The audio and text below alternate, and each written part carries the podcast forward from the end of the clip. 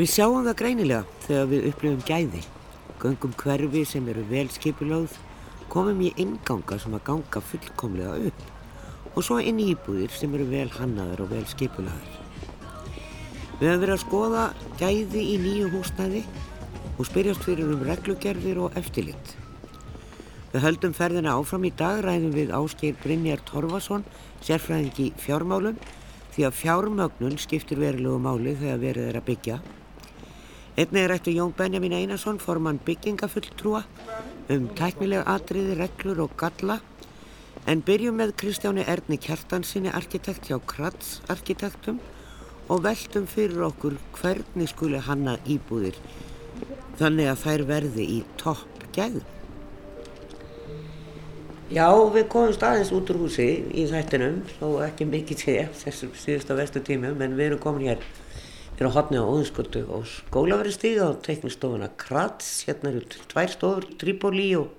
og Kratz. Og hér er Kristján Örd Kjartansson, arkitekt. Við ætlum kannski svona beina sjónum okkar svolítið að, já, fegurð, gæðum, hvað eru gæði, er hægt að mæla þetta, er hægt að hafa eftirlit með því, er þetta of huglagt þess að við getum einhvern veginn mælt það að það sé verið að vinna eftir einhverjum gæðastöðli við hannun húsnæðis og við erum kannski mest að dvelja við íbúðarhúsnæði frekar en aðra byggingar. Það er oft lagt meira í ofnbæra byggingar heldur en e, blokk út í bæ. Já, e, hvað segir þú? Er, er, er hægt að hafa einhvers konar gæðastöðul sem er fariðir eftir við byggingar?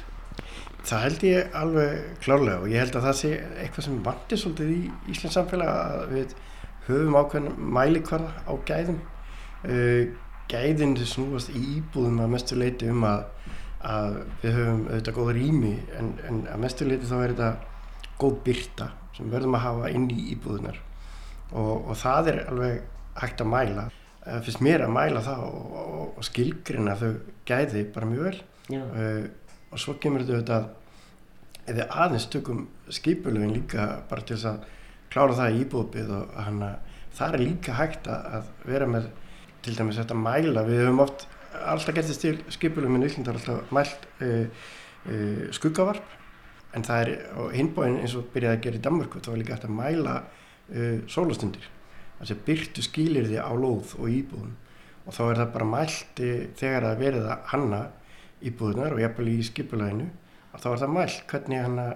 e, maður uppfyllir það kröfur að, að það séu sólastundir á ákveðin tíma dagsins og að byrtan sem að íbúðunar fá séu uppfyllir ákveðin skilir. Þetta er hægt að hafa á mælikvörðum og, og skilgrina og, og það er líka hægt að, að skilgrina og það finnst mér mjög mikilvægt e, til dæmis bara útvista svæði fyrir íbúðir. Því að íbúðir nánaðlega lengra heldur en bara innan vekkja íbúðurinnar að við erum með börn og við viljum hafa útvista svæði nálega okkur og þá bara á loðunum að þá er líka til dæmis bendi aftur á í Danmörku, þar eru ákveðin skilir sem erum að setja inn að, að bara útvista svæði á hverju loð sé ákveðin prósend af elda bingamagni þannig að það er hægt að gera skilgjörna gæði og hafa það sem svona tölulega skilgjörnir jábel það er eitt og svona sem uh, ég tel kannski að okkur vandir svolítið inn í okkar byggingarreglgerða eitthvað liti og skipilas uh, uppdrætti og skipilasreglgerð hérna í Íslandi. Það væri gott að, að, að koma þessu í, í farveg að, að skilgjörna þessi gæði því að þetta er skiptur okkur greiðlega mikil móli. Já, en ef við, ef við tölum til dæmis sko, því við tölum um fegur kannski og, og, og það er, er, kemur alltaf upp á netinu allavega á minni Facebook að, að það er fólk að tala um byggjum fallegt aftur á Íslandi mm. og hérna ég er nú alls ekki sammála því að það sé ekkert byggt fallegt á Íslandi en það er kannski gengið út frá stórum sörtum kassum já, já. sem að, að það er kannski engin estetík í því en það er kannski innan arkitektur sem getur það þótt smart eða cool eða eitthvað slikt, ég veit ekki en, en það er volið erfitt að deilum smekk einum finnst þetta fallegt og öðrum eitthvað alltaf annað en það er, við leitum svolítið til fortíðar Já, og ja. þá fer ég að hugsa býtu er það skilningur kannski svona hins vennilega nútíma manns að hann skilur ekki arkitektur samtímans og skilur, hefur ekki skinnjun á fegurðagildi nútíma arkitekturs Nei, það held ég alls ekki ég myndi aldrei vilja ganga svo langt. Ég held að hann, uh, það hafi allir skilning á, á fegurðinni og, og sjá hana þegar hún til staðar. Ég held að það sé aftur á móti að, að það eru margir í þessar umröðu sem hafa mjög mikið rétt fyrir sér. Þó að við höfum ekki kannski skilgrind gæði í okkar regluverki að nægilegu markið að mínum að þá eru kannski hefur annað verið notað síðustu áratvíina það er það hana hafkvæmni í byggingum uh, sem hefur kannski ráðið ómikið för. Og það hefur kannski gert að verkum að, að menn hafi glemt svolítið fagafræðinu og glemt gæðunum sem að eru með því að, að reyna veist, auðvitað eigum að byggja alltaf eins hafkvæmt og við getum en meðum ekki gleyma gæðunum og það er ég alveg, get ég alveg verið sammóla öllum í þessu umræðu auðvitað eru uh, hús uh, og byggingar og borgarými misfalli og, og takast mjög misvel til. Jafnvel þó að smekkur manna eru auðvitað mismunandi líka og, og ég skil alveg það að menn horfi á, á, á mörg góð dæmi frá fortíðinni og, og sjáu og nýti sér nostálgínu og romantíkina að það kveiki hjá þeim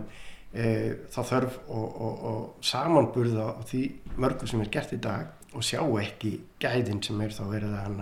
að búa til í dag. Og að mörguleit er það út af vöndun á gæðum já, já. því sem við erum að gera þetta þannig að við verðum auðvitað að vanda okkur. Þegar það kemur að estetíkin eða fegurðinni í því sem við erum að búa til að þá finnst mér það skipta alveg greiðlega miklu máli þegar það kemur að gæðum útlýtt byggingana út á við e, bara í, í því borgarimi sem að búa til að, að menn byggi í samræmi við e, það umhverfi sem er að byggi e, og horfi á auðvitað bara húsin í kringum sig, borgarýmin í kringum sig og búið til aftur góð borgarými og góð útöðustarými fyrir íbúana. Og svo þegar við komum inn í byggingarnar auðvitað líka þá kemur, skiptir það allt líka miklu máli bara efnisnótkunnin, stærðin og gluggunum hvað þau þeir ná uh, langt niður uh, og hvernig þetta virkar, veist, uh, hæð og gluggum er, er mismöndi í, Svefnbergjum og, og stofum og þannig við fáum útsinnið betur út þannig við getum að skrippborun undir í og rúmin undir í aðans að við séum í glukkanum það er ekkert allkild í þessu þetta er mismunandi eftir rýmum. En svo er það efnisnútkunum bara að við notum góð efni uh, að við höfum lofthæðir í, í þessum rýmum sem eru góð. Og, og sérstaklega þá þegar öllur er bóttum kvölda þá kemur það e, fyrst mér að við meðum nýta meiri tíma í það að gera gott innra skipulag íbúð. Auðvitað út frá því hvað er best að fá byrtuna e, út frá því hvað er þessu Svernbergi og stofu og svalir og svo framvegis en líka það að hana, e, til þess að gera eitthvað hafhæmt til þess að gera gott og miklum gæðum að það þarf að hugsa mjög vel og það þarf að ígrunda nákvæmlega hvernig við nýtum alla fermetra og mm. þar hefur við kannski, getum að segja þetta hefur kannski hérna á síðustu áratugum þekkjum mörg dæmi þess að menna flýtt sér aðeins um of og, og byggt eh, jafnveil of stórar eh, of illa nýttar íbúðir af ekki nægilega miklum gæðum. Við erum alveg að sjá í þessum nýju byggingum það sem hefur verið kallað luxus íbúðir og við erum að sjá kannski yfir 100 fermetra tveggja herbygg íbúð og eh, sem er þá með skáp sem þú getur gengið inn í stóru baðherbergi, stóru söfnherbergi, stóru alrými. Já. Já, maður svona hugsa þetta, er ju hér að víti vekja en svo er loftæðin kannski bara e, sko lámark Nákvæmlega, það er aftur hann að e, við mitt e, luxus íbúðunar og, og ég hef ekkert á móti e, miklum luxus íbúðum því að það fólk sem hefur efn á að kaupa sér stórar og fallegar íbúður þá er svolítið að takkifæra til þess. Loftæðin til dæmis skiptir jafnveil meira máli líka í litlu íbúðunum. Þegar við erum að búa til hákant húsnæði við erum búið til húsnæði fyrir bara kannski ungt fólk eða eh, fjölskyldufólk og, og fólk sem að þarf að komast inn á húsnæðarsmarkaðin þá skiptir alltaf gríðlega miklu máli að við gerum hákant en það skiptir að mínum að þetta er jafn miklu og ekki meira máli að við gerum að rétt og vel að miklum gæðum. Það er náttúrulega sko uh, fyrst mér bara vera ég hafa svo mikið að gera bara með sko líðhelsu fólks. Að þeir sem eru að fara inn í litla húsnæðis það þarf aðeins, það er jafnvel kannski að auka lofta þarna. Það þarf að hafa glukkana aðeins stærri uh, og það þarf að hafa vönduð auðvitað efni á gólfum og veggjum og hljóðvistin þarf að lægi alveg eins og byrtan þannig að, fólki líði vel þar. Já. og ennþá meira mikilvægt að við hugsum skipulæðið ennþá betur þannig að við séum ekki minnina neinn rýmiða fermetar sem eru auka fermetar sem ekki nýtast í neitt. Og þannig getur við alveg held ég búið til mjög og mjög gott húsnaði það sem að hefur kannski hamlað þeirri Íslandi er að það er oftast verið að horfa á það að gera þetta ódýrt Mm. hafkvæmt og ódýrt finnst mér ekki alveg vera sami hluturinn. Þegar um leiðu ætlar að gera eitthvað ódýrt eh, með miklum spartnaði að þá eigum við til að, taka auðvitað í burtu öll geðum hafkvæmt er eitthvað sem við byggjum sem er þá byggt út frá góðu skipulagi er hafkvæmt í byggingu hafkvæmt í nýtingu og rekstir líka. Og náttúrulega á að endast. Því að. Hildur nefndi til dæmis að gamlu verkamannabústæðinir þegar þeir fara svo á frjálsa marka sem að, var, að mínum að því tek það fram var algjör vittlisa en að þá seldist þessar íbúðu vel því að þær voru vel hannaðar og vel byggðar. Algjörlega. Og, og það kemur og myndi ég segja alveg sérstaklega fyrir uh, líklar íbúður sem þurfa að vera uh, velskipulaðar uh, og þurfa að nýtast þannig að, rekstra kostnaðar sé ykkur mikil og, og að það þurfi ekki að gera mikið við. Þar megum við bara ekki við göllum og megum ekki við því að, að, að vera með rými sem nýtist ekki neitt. Og við eigum í raun og veru uh, að hugsa þær miklu meira og, og búa til íbúði sem eru það sem við nýtum hvern einasta fermetir í húsinu rétt. Og, og þar getum við búið til að mínum að þetta er mjög litlar íbúðir fyrir fólk sem ekki þarf meira. Og svo getum við búið til meilum stórar íbúðir þar sem að það er bara mjög vel úthugsað hver einasti fermetir uh, og þá getum við alveg minkað íbúðunar án þessum þessi gæði, jafnvel auki gæðin. Já. þar held ég að við getum hort á þjóðir eins og ég er ekki að segja um að fara allar leið og kannski gert í Asíuríkunum í, í Japan. Aftur á móti að þá hefur við til dæmis hort mikið þangað sem eh, svona bara inspirasjón í það hvernig þeir eru að nýta fermetur ofislega vel. Við þurfum ekki að fara í sömu alls ekki í sömu öfgarnar en við getum aftur á móti gert miklu, miklu betur en við kannski höfum verið að gera síðustu 20 árin og eins og nefnir við getum hort miklu meira á hvernig var gert kannski fyrir eh, 40, 50, 60 árum síðan Já. Því að verkamannabústæðin til dæmis við Hringbraut voru litlar íbúðir en voru mjög einsæljar og, og, og eru það ennþanda í dag e, í fermetrum talið en nýtast, já. Já. Kanski svona í lokin, Kristján, það er, e, sko, við horfum að það er náttúrulega verið svo mikill skortur á íbúðum og það eru nú svona hagfræðingar og aðrir hafa komið að því að, að við reginan húsnæðismarkað að mörguleiti mjög rámt að út af því að við stoppum alltaf. Við byggjum Já. þegar vantar íbúðir Já. svo gerist eitthvað eins og hrunið Já. og það bara stoppar allt og svo kemur aftur sá punktur að það bara vá, það vantar fullt af íbúðum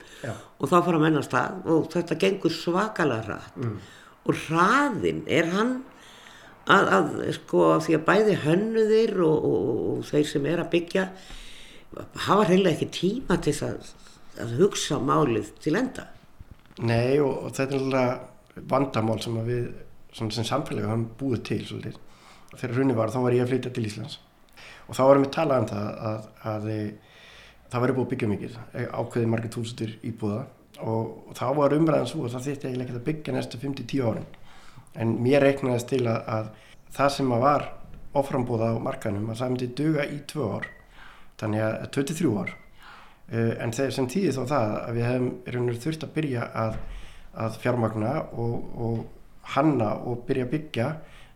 einu til tveimur ánum bara eftir hrun. Svona, og ég er ekki hafraðingur en þetta svona bara með við uh, bara frambúð sem við þurfum í Reykjavík. Og þetta verður að gert það verkum að við lendum svolítið eftir á. Og, það er svona þurfum við eins og segir það þarf alltaf að vera eitthvað að þróum við þurfum að, að jafna svolítið út þessar kurvur sem er alltaf. já. og ég held að það sé annað líka sem að ég, mér finnst allan óbúslega mikilvægt út af því að við erum að auðvitað þetta við erum að, eh, borgarnir eru að, vera að byggja þetta og það eru margar ástæði fyrir því. Eh, bæði ótrúri innviðir og bara út frá umhverjus sjónamiði þá skiptir það máli að við gerum það. Við verðum alltaf að bjóða upp á útkverðin líka en það sem mér finnst kannski vanta er að, þegar það er verið að búa til þétningar eins og við erum að gera núna og að þá þarf að taka gæðin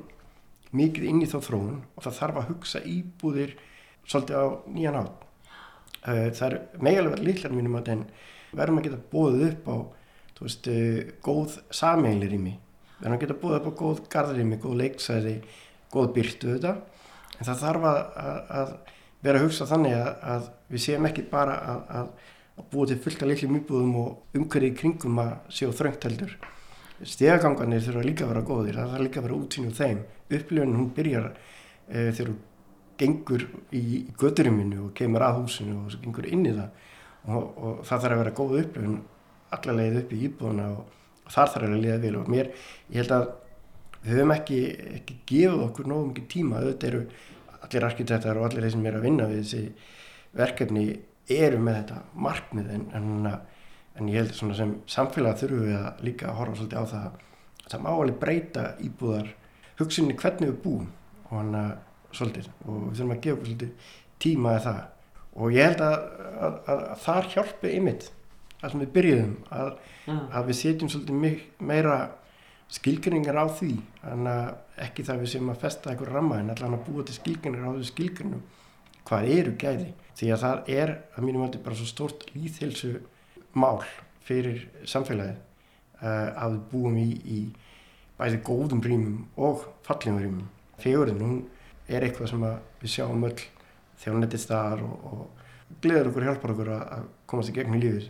held ég. Er alveg mitt mann. Sagði Kristján Örd Kjartansson, arkitekt hjá Krats. Maður heimsækir staði aftur og aftur þar sem manni líður vel. Andrumslofti gott og tekur vel á mótumanni.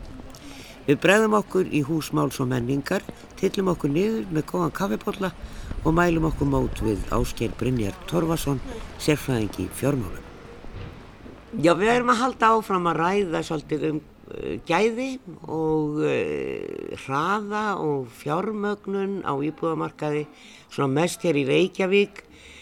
Uh, komum reyndar aðeins inn á það á eftir að það er þetta svolítið munur á þegar fólk er að byggja einbílishús eða rathús og er að byggja sjálft heldur en þegar stór fjárfestingafélög er að byggja blokkir sem eru kannski 60, 100, 200 íbúðum þá eh, gildir svolítið annað. Fólk sem er að byggja minna það getur kannski haft meira hönd í bakka með það sem er að gerast. En í blokkonum þá ertu bara að kaupa íbúð úr búðahillunni. Það eru allar eins, þú getur kannski ráðið eitthvað pínlítið um liti en ekki mikið meira en það. Fjármögnunin er kannski bara góma í síðasta þætti þar sem við vorum velta fyrir okkur hvort að fjármögnun til hagkvæms húsnaðis væri of knöpp og, og lána möguleikar uh, þannig að þeir, það þurfa að græða þetta upp of rætt og þar með uh, sé verið að skera niður gæði að einhverjum hluta. Íbúðunar verða að vera litlar og allrýmið verður minna og það er aðalega þar sem er skorið. Við sitjum með Áskeri Brynjar í Torfasinni hér á Mál og menningunni í bæ. Hann er hagfræðingur og sérfræðingur í fjármálum og hefur svo sem komið sögu áður hjá okkur í þáttum. Svona út frá þessu, sko, bankarnir eru náttúrulega fjármagnaðið allt saman. Það er ekki tvo fjárfestingafyrirtæki sem er stór og eigi peninga að, að þá eru þau kannski ekkert að leggja endilega í stoppkostnaðin. Það, það er yfirleitt ekki að láni, er það ekki rétt hjá mér? Jú, stór uh, fastegnafélagin geta náttúrulega vel gefið út sín eigin skuldabrjöf þannig að þurfu ekki að taka bankalón en, en þetta er oft blanda líka og, og, og svo eru lífeyrissjóðunir eru að fjármagna uh, líka húsnæði hvort sem er með húsnæðislánum lífeyrissjóðuna eða þá að þeir kaupi skuldabrjöf fastegnafélagana eða, eða skuldabrjöf frá bankunum þannig, þannig að þetta er nú bara svona ringar ás peningana sko. og, og hefur verið svona sögulega húsbrjöfarkerfið sem var áður við líði það var náttúrulega fjármagnað lífeyrissjóðunum líka sko. þannig að þó að það hefði verið í gegnum íbúðalána sjóð sem síðan tóku bankanir við því hlutverki svo komu lífeyrissjóðunir aftur inn á það beint og, og núna sjáum við síðan sérstaklega eftir hraun sem er svipað og gerist í Skandinavíu eftir hraunni þar 90 þá koma svona stærri fastegna félög sem að um, ná þá svona einhvers konar stærðar hafkvæmnu og geta þá út á veðin sem þau hafi í eignunum jáfnvel gefið út uh, skuldabrjöf til að ná hafkvæmari fjármögnun og, og það er sama eins og nefnir með blokkinar ég meina aðeins sem byggja stórt húsnæði eða mikið af húsnæði þeir geta þá náttúrulega náð kostnæðinum niður út frá stærðarhagkvæmni miða við einhvern einstakling sem er að byggja eitt hús Já. Eh, fyrir sig eða, eða e, hluta af ráðhúsi þannig, þannig að þetta er um, hvað maður segja, góða hliðin af kapitalismannum sem byrtist í þessu. Og, og við sjáum það ef maður fer í löngu söguna að borgar uppbygging helst í samhengi við Eh, aukin umsvið og kapitalisma þar að segja og, og þannig verða til eh, já, markaðurinn er miðjan, markaðstorkið er miðjan í, í borg uppaflega þegar hún myndast og oft við á eða einhverja um, leið, samganguleið sem að höfn eða, eða og, og, og þannig verða þessi kjarnar til og verða síðan stærri og stærri og ég meina eins og kapitalismin byggist upp og við fáum stærri og stærri borgir og byggjum stærri og stærri uh, hús til þess að já, með það markmiði að ná, ná niður kostnæðinum og gera það hákvæmara en, en, en svo kannski er hættan svo þegar við höfum sveiplast með þann pendul of lánt uh, að þá verða stundum uh, þá krassar stundum kerfið eins og gerðist bæði í Skandinavíu 1990 það var eftir fastegna bólu eftir enga vengubanka Nú við sjáum það, sjáum það líka 2008, það byrjaði í, í undirmálslána bólu í bandaríkjónu sem séðan breytist um allan heiminn og við sáum það hér í, í miklum samdrætti í fastegna uppbyggingu eftir, eftir hrunni þegar bankan er fyllir hér. Þannig að þetta er nú svona óstöðuleikin í kapitalismanum og vandin kannski við nýfrálsíkjuna ef henn er sleft of lausri að þá fara með einblýna um of á skyndigróðan og finna sér svona stitta sér leið og vilja fá afléttinguregluna til að geta gert e, ódýrar og, og hérna, ekki að þurfa að uppfylla eins miklar kröfur. Þá kemur það kannski ljós einhverjum árum eða áratugum setna að að koma í ljós skallar eða mikla eða eitthvað þess að það er. Eða það getur verið út af röngum reglugjörðum eða út af því að einhver efni passi ekki hér á land út af veðri þannig að, að, að það sem að, þarf veila stöðugt að vera að leita að nýju jafnvægi því við komum aldrei í eitthvað eitt jafnvægi og, og svo eru það hinnir utan að komandi þættir eins og aðalskipulaði nú er verið að samþykja nýtt aðalskipula nýlega en það var náttúrulega tímamóta aðalskipula fyrir tíu árum þegar það er í raun og veru snúið frá útkverfavæðingu yfir í þéttingu.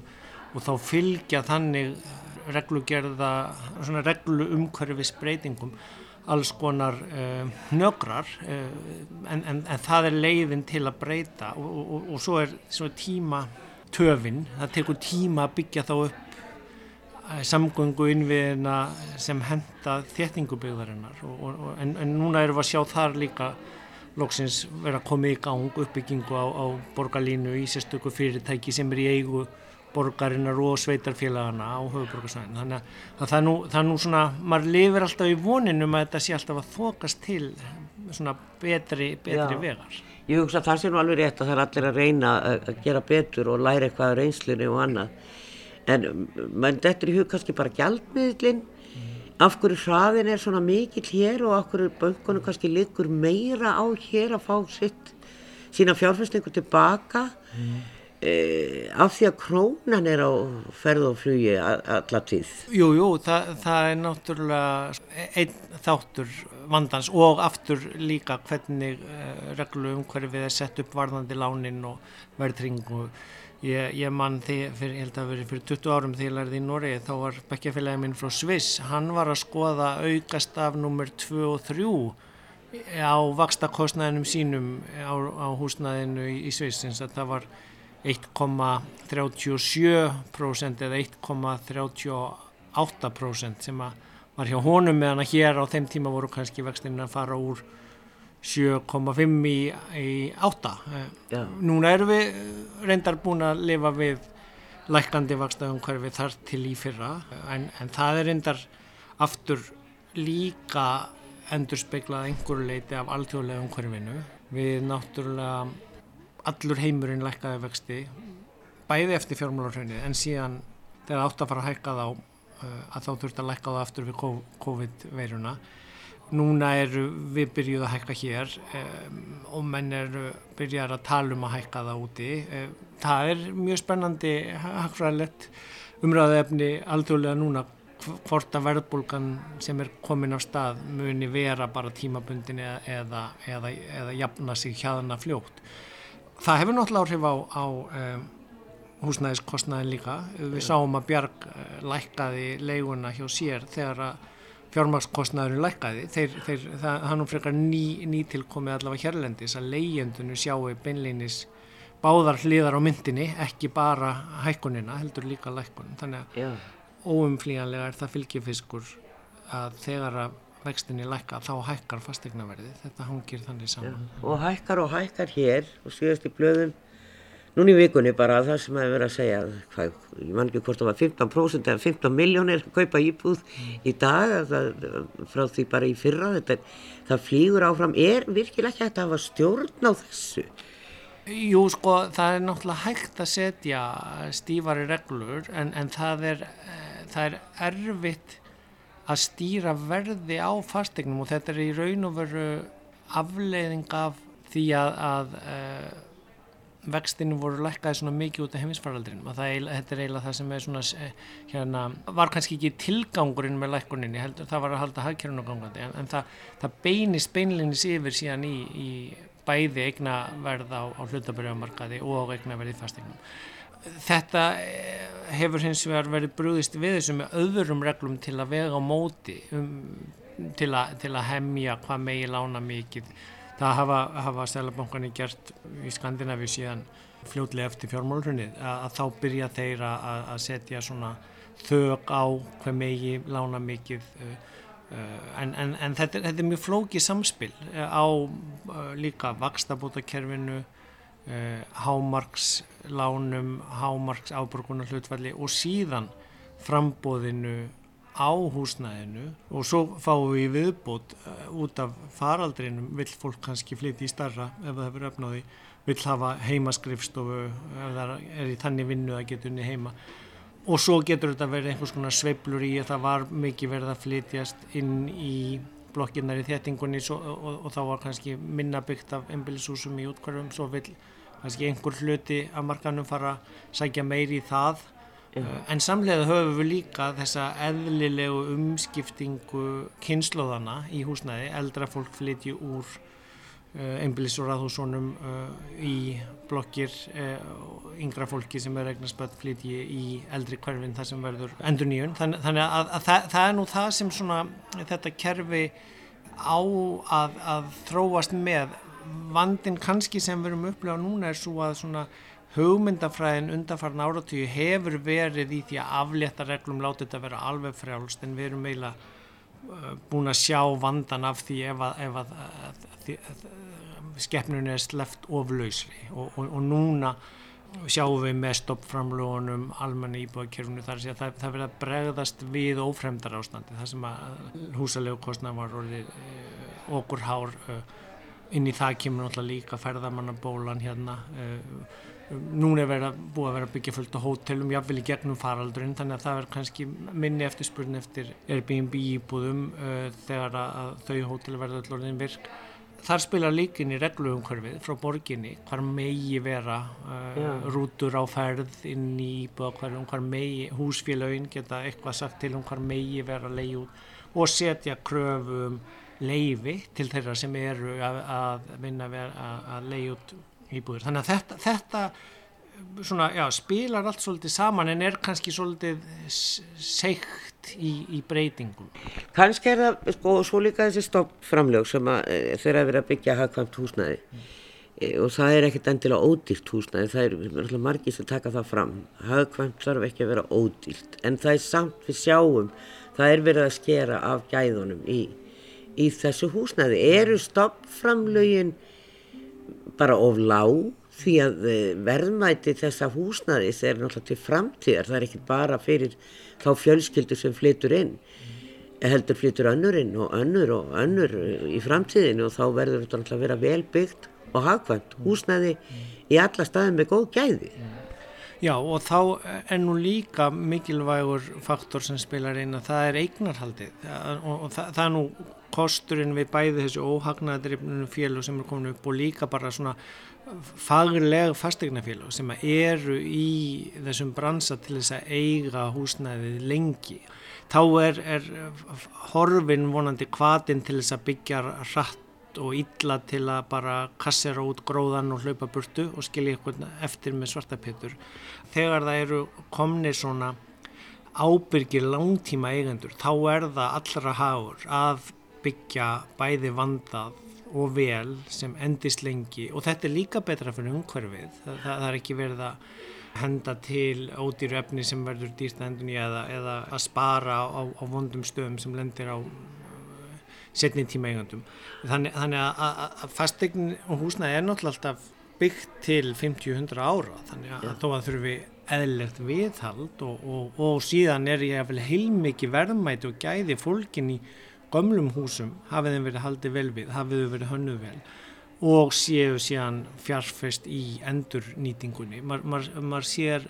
að sko svona menningarleg verðmæti í húsnæði eru,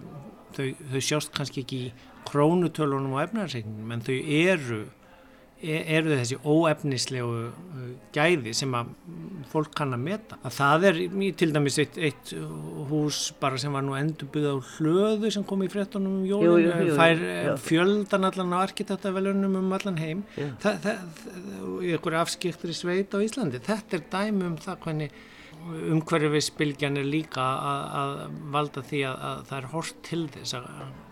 gamlir steinstiftir veggir hafa gildi í sér þó það þurfum við kannski að byggja síðan nýtt inn í þá. Og, og, og það, er, það er eitthvað uh, andrumsloft og umhverfi sem að skapar betra mannlíf í og milli húsanna. Þannig að, að, að þannig uh, þarf þar svona já að, að spila þessu saman nýju og gamlu og, og reglunum en, en, en með hæfilegu uh, frjálsræði til að koma með nýjungar þannig að það verði ekki öll húsin eins Já, já, já, og það er og, og, og Hildur hafi nú einmitt orða fyrir að vorst að byggja sem við erum að gera margir í þessu hagama húsnæði þá erum við að byggja litlar íbúðir mm. fyrir litla, litla fjölskyldur mm. en e, þá þurfum við að hanna hannurinn að vera enn betri til þess að, til þess að húsnæði virki en við, þú hafðir orðað því einhvern tíman í þætti hjá mér að að mistök kannski yfirvalda bæðir borgar og, og, og uh, landstjórnar að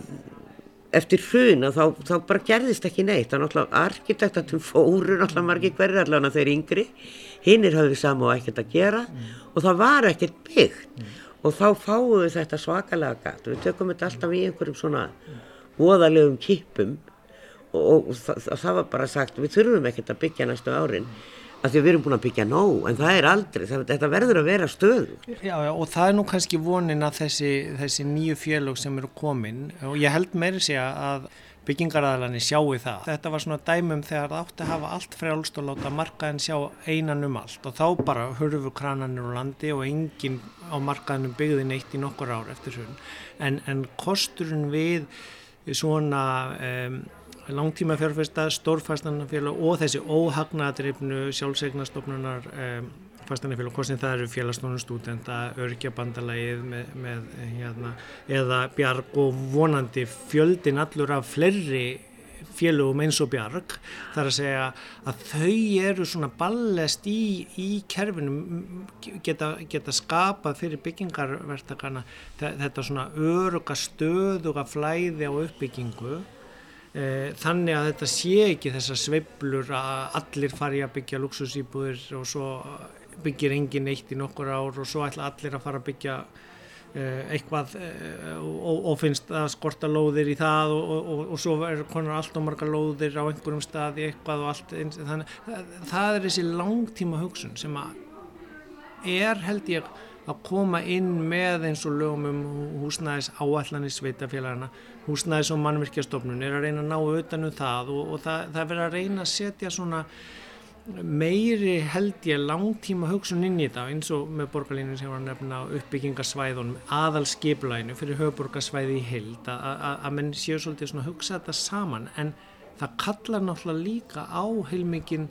þverfagleika, það með ekki bara vera viðskiptafræðingar með Excel-insinn hjá húsnæðis- og mannverkjastofnun að reikna þetta út og, og fermetra og, og, og fjölda íbúða og miða við svæðin og áallina. Það verða að vera líka hönnuðir og arkitektar, það verða að vera líka verkfræðingar og skipulagsfræðingar og samgöngufræðingar og sko e, þannig að, að það verði svona hæfilegur fjölbreytileiki og, og ekki já, of einsleitt eða bara það að fermetrar og kostnæðartalan stýri heldur að gæðin bæði efnislegu gæðin en líka óefnislegu gæðin, umhverfisgæðin, útlitið svæðin í kring, aðkoman það, það eru sálfræðingar með því að hanna stór húsnæði ingangana hvernig, hvernig hús takkur á móti er það, það, þetta er í raun og veru hinn hin, hin nútímalega borgaruppbygging sem er heilmikil þróun að verði í og, og, og ég, ég held bara við þurfum að gefa svolítið í að, að ná okkur upp í að, að, að brjótast út úr þessum gamla hugsunarhætti sem kom af því þegar menn trúðu því að markaðurinn myndi einn og sjálfur sjáum að leysa þetta á bestan hátt. Sagði Ásker Brynjar Torvarsson sérfræðingur í fjármálum. Það versta sem getur gæst er að fólk er að fjárfesta í nýju húsnaði að uppkomi gallar. Í flestum tilfellum skils mér að byggingastjóri beri ábyrð en auðvitað ásamt fjölda annara, eigandi, verktæki og pípar og rafvirkjar og fleiri. En við vitum að oft gengur ítla að fá slíkt gleðrétt. Við sittum enn í húsi Máls og menningar og heilsum upp á Jón Benjamin Einarsson, formann byggingafulltrúa. Já eins og fólk veit þá komur alltaf margir af því að byggja eitt hús, saman hvort það er lítið eða stort. Við ætlum að ræða hér við Jón Benjamin Einarsson. Hann fer fyrir byggingafulltrúum á landsvísu og er sjálfur byggingafulltrúi á Suðunisjónum jafnframt húsasmiður og byggingafræðingur. Við erum að fara svona aðeins yfir sko, hvernig þessu er stjórna. Það er náttúrulega að koma ábúslega margir aðeins og ég koma að, rafvirkjar, koma verkfræðingar, arkitektinn, byggingar aðilin, sá sem fjármagnar og, og, og byggingastjórin sem að sér að mörguleiti um að fylgjast með að allt sé í góðu lægi því að það er komið meira á þeirra hendur heldur en byggingafulltrúana eins og var. Og það er það er fyrir skömmu síðan má eiginlega segja það 2019 Jón, sko, kannski fyrst það því að þetta kom upp þannig í síðasta tætti og ég svona fór að hugsa skapar það tortrygni ef að byggingastjórin er eftirlitsaðilin en ekki einhver ofinbyr aðili Stuttasvarið er nei, myndi ég segja það þyrti, þá þarf ekki að gera það. Það sem að sko ef við bara förum aðeins og kíkjum á þetta ferli þá er byrjum við á eigandanum. Það er hérna byggingar aðilinn, það er sá sem allar að fara í frangvættir og sá sem að verður eigandi mannverkisins hans uh, ábyrðin náttúrulega ekkert undanskilin í neina þessu er kannski stóra ábyrðin er hans. Húnum byrja að ráða sér hönnuð og hönnunastjóra og honum ber að ráða til sín byggingastjóra sem að er í raun og veru hans hagsmuna aðili í gagvat framkvæmdónum, hönnunastjórin gagvat hönnunni og, og allir þessir aðilar hafa náttúrulega í bakgrunnum, bakgrunni sínum uh, þá mentun og, og reynslu sem að krafist er í svona svona hlutverki eins og þeir taka að sér. Það sem að kannski byggingafulltrúin honum ber að, hann ber að gæta, gæta þessa að hannunagögn uppfylli staðla og, og reglugerðir. Það er kröfu sem gerðar eru til hannunagagna og honum ber að gæta þess að þeir sem að gangast í ábyrðir fyrir framkvæmdónum séu með tilskilir réttindi til þess og svo framvegis byggingafulltrúin getur aldrei borið ábyrð á frangandinu sem slíkri eða einstaka þáttum innan mannvirkja gerðarinnar. Þar er í raun og veru þessir aðilar sem að hér, ég hef talið upp hér sko, þeir eru þeir sem bera í raun og veru ábyrðina. Við sjáum náttúrulega samt að þetta gerist, það kom upp gallar og annað og nýju húsnæði og það er, eh, já bara getur verið mjög kostnæðasamt fyrir eigundur og ég hef það að, try að trygging eh, byggingarstjóran sé frekar lág og þetta, þetta, þetta tjón sem kemur upp getur orðið miklu miklu meira en sem nefnur þeirri upphæð. Nú aðalega það sem ég er að hugsa um byggingafulltrúin kemur að sem utanakomandi aðili og, og bendir þá á ef eitthvað eða kemur jáfnvel inn í málinn ef eitthvað galli kemur upp. Já, sko, þegar að koma upp gallar í maður eru sjálfsagt margir kallaði til og hvort að þessar trygginga upphæðir, ég fór nú ekki að fara með það hvernig þær eru ákvarðaðar eða hvort að þær dugi fyrir því sem um er að ræða. Eftir að reglugjörðin 2012, byggingareglugjörðin stóra, það var stór endurskoðun og breyting á byggingareglugjörðinni sem við höfum verið að nota frá 98 sem er kent við 2012 að þá var bólnaði reglugerðin gríðarlega mikið út og það voru settir inn alls konar, eh, alls konar viðbætur og, og kaplar sem að í raun og veru flest allir eru, þeim er ætlað að auka eh, neytenda vend og hérna og auka gæði húsnæðis og, og, og þeirra krafna sem eru gerða til húsnæðis meðal þeirra breytinga sem voru gerðar í þessari reglugjörð var að tryggingarnar eru eftir þetta erðnamertar hverju verki fyrir sig. Áður voru byggingastjórar með svona gáðir upp einhver áallu umsvið hjá tryggingafélagunum og voru svona triðir bara almennt gagvart því sem þarf að gefið upp. Eftir 2012 þá er í raun og verið að hangi tryggingin á hverju verki fyrir sig. Ég þekki það nú ekki alveg hvernig tryggingafélagin meta bæði yðgjaldið og, og verðmæti framkvæmdana en Ég gerir ráð fyrir því að það sé einhverjum takti við umfang framkvæmdana en þessi ábyrði í raun og veru, hún, tryggingin í raun og veru henn er ekki aflétt fyrir hennar byggingafulltrúi í samstarfi við eiganda og eiganda og framkvæmda aðeila þar á meðal byggingastjóra gerir svo kallar loka úttækt á byggingunni og vottar það bara að hún, henni sé lokið samkvæmt öllum þeim gögnum sem að, að löður fram um framkvæmdina. Þá í raun og veru afléttir tryggingafélagi fyrst tryggingunni og ábyrðartíminn byrjar að tikka frá þeirri stundu. Hvað segir þú svona sem maður vinna í þessum bransaði mörg ára og ert með alla þessa þekkingu og búin sjálfur búin að vera að vinna í húsasmíði og ert byggingafræðingur. Erum við að gera þetta alltaf hratt? Er hönnunastíð of skamt? Þarf það að vera lengra? Þarf að líka meiri við því? til þess að ná fullum gæðum þannig við séum að byggja húsnaði til framtíðar. Já, já, það hérna hefur stundu verið vikið að þessu að okkur séu nömt skamtaði tími til hönnunar og til byggingar oft líka. Það er mikil pressa ofta á hlutunum og þetta í raun og veru er maður búin að sjá þetta allt saman gerast í nótskull. Það er, það er oft pressa á mönnum er eitthvað verkefni er komið á stað að þá likur mönnum áskapaði mikið á að hérna, þetta gangi alls saman hratt og vel fyrir sig og auðvitað má segja að það er aldrei eðlið þess þegar að tímaraminn er knappur að menn gerir kannski frekar mistök og menn séu eflaust alltaf að reyna að vanda sig. Það getur verið aldrei sko snúið að ætla að rekja beinlinni skalla til þess að tíminn hafi verið á knappur og eitthvað slíkt útgangspunkturinn er alltaf þessi að, að hönnunagögn eiga alltaf að uppfylla þær kröfur sem þeir eru gerðar samkvæmt bara lögum og reglugerðum ja. og sama á við um framkvæmdir og framkvæmdarliðina. Það er svona,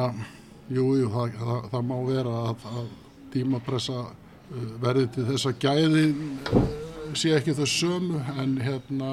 það er samt bara aldrei hægt að nota það sem afsökun fyrir útkominni. Gæði og smekkur er líka náttúrulega kannski eitthvað sem er alltaf huglagt og erfitt að meta og setja kannski einhvern mælikvarða á en e,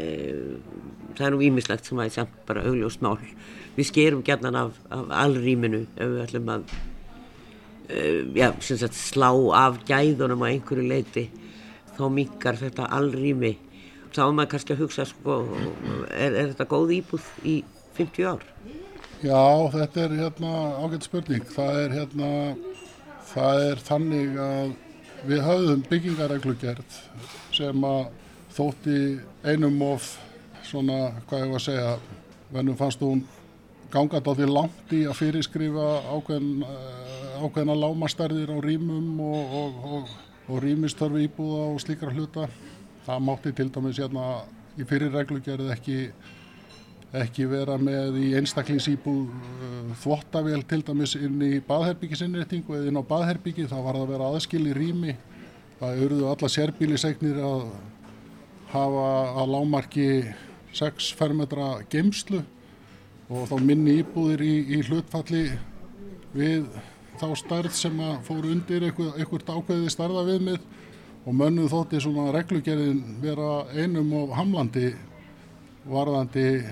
sveigjanleika í minni íbúðum sérstaklega. Þetta var gefið daldi frjál, frjálsara, það var slakat daldi á þessu í 2012 reglugerðinni og í raun og veru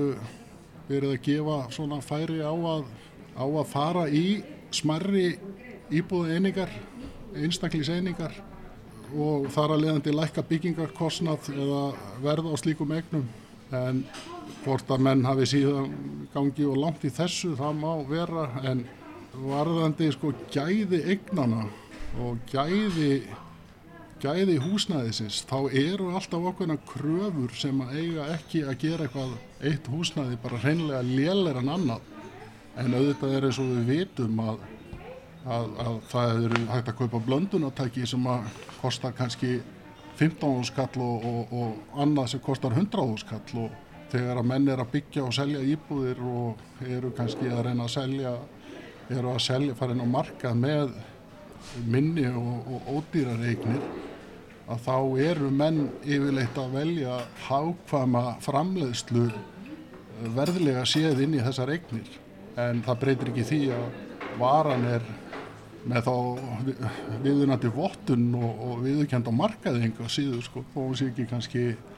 sambarilega gæðum sko. Já. það er munur á það er munur á skóta og bensins og var samt, sagt í gamla daga hérna. Já, já, já það, þeir segja það. Þó skóti sjálf ágættis bíl í dag Toppbíl í dag? Já, já, já, já, var það kannski ekki uh, Moskvits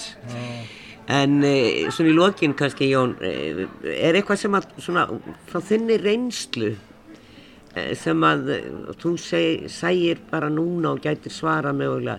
er eitthvað sem að liggur á að breyta bæta Ég ætla ekki að svona setja neitt fram sem að mér finnst vera afgerandi varandi það. Sko þegar við erum að tala um hönnuði þá erum við að tala um langskóla gengið fólk sem að er búið að sko það þú þarf að leggja að lámarki í framhalsnámi fjögur, fimm ára baki til að menta því viðkomandi fæi hvort sem það er verkfræði eða byggingafræði eða í akademísku arkitektanámi. Og síðan kemur þú að vinna í fæinu og þú þarf að vinna allavega í tvö ár til viðbótar við þetta námsko áður en að þú getur öðlast löggildingu sem hérna mannvirkjahönuður og þetta er orðið aldrei langu tími og þú sko við ætlumst náttúrulega við gerum ráð fyrir því að fólk sé orðið aldrei, eða sé orðið ansi hæft þegar það hefur lokið þessu. Og í raun og veru þurfum að tala um síðan yðnmestarana og, og, og hérna, byggingastjóran þá er þetta fagfólk sem að þarf að hafa ákveðna mentun og, og reynslu til að sko öðlast þessi réttindi þannig að við erum auðvitað að treysta þessu fólki fyrir því sem að það er að vinna við en auðvitað eru allir misjafnir það það eru menn gera mistök og, og annað slikt en hérna þetta kerfið okkar er þannig að, að það á enginn að komast upp með það að vera að selja eitthvað feik í þessum gera. Já, fúska. Fúska. Sagði Jón Benjamin Einarsson formaður byggingafulltrúa á Íslandi. Eftirstendur að líklegt er meiri yfirlega hannuða sem álið þegar kemur að gæðum íbúðarhúsnaðis. Gefa verkefninu tíma og halda áfram að byggja. Þegar slegið slöku við kom upp vandræði og menn fara að byggja hratt. En við komumst ekki lengra í dag, verðið sæl að sinni.